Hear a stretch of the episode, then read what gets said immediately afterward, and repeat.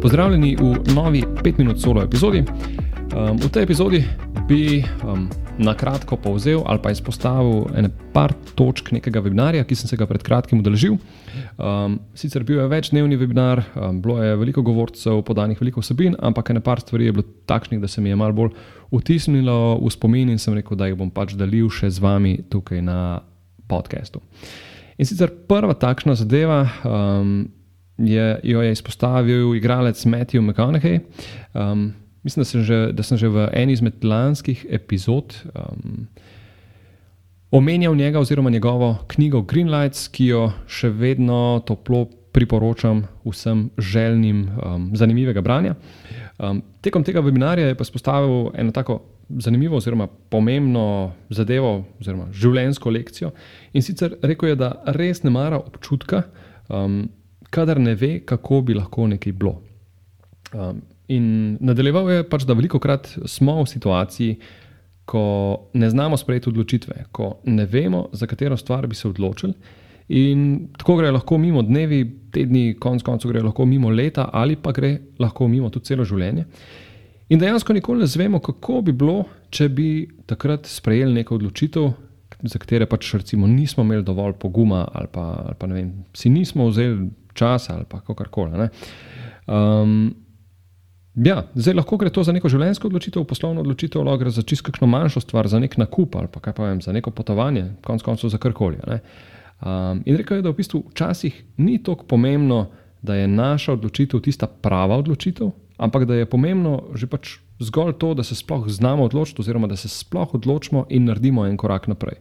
Pa tudi, če je bila ta odločitev na koncu napačna, če smo vem, zgrešili zadevo, je pa neka lekcija, s katero se nekaj naučiš in pač ne tavaš v tistem nevedenju, da se še leta sprašuješ, kako bi bilo, če bi takrat um, naredil drugače. Ne? In rekel je, da pač imamo v takšnih primerih tri opcije. Eno je pač, da se ne moreš odločiti in um, pač se nikoli ne odločiš, in posledično tudi nikoli ne izveš, kako bi lahko bilo. Vedno tavaš v tej nevednosti, vedno se sprašuješ.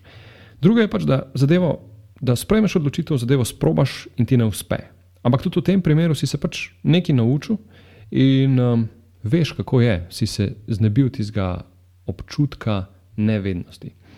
Um, tretja opcija je pač ta, da se odločiš, sprobaš in ti uspe. Tako da to je pa tisti želen rezultat, ki bi si ga že v startu človek želel.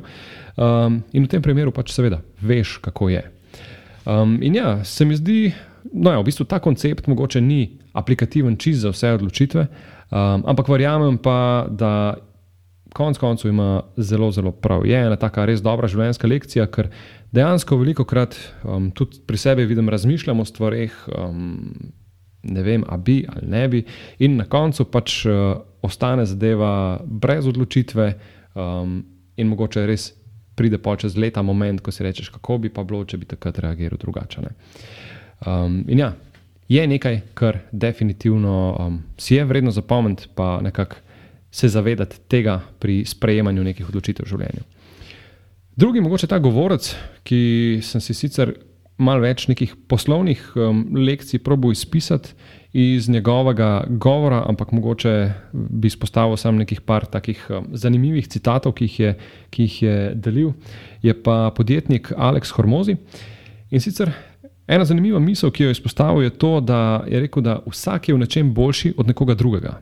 In znanje konec koncev lahko pol delimo, lahko ga vem, prodamo v obliki video posnetkov um, oziroma v obliki knjige, karkoli. Skratka, z njim lahko naredimo neko spremembo, tako sebi kot drugim. In to je res neobičajno. Um, se niti ne zavedamo, ali pa niti ne znamo ceniti lastnega znanja, um, kje šele, da bi znali lastno znanje naprej unovčiti.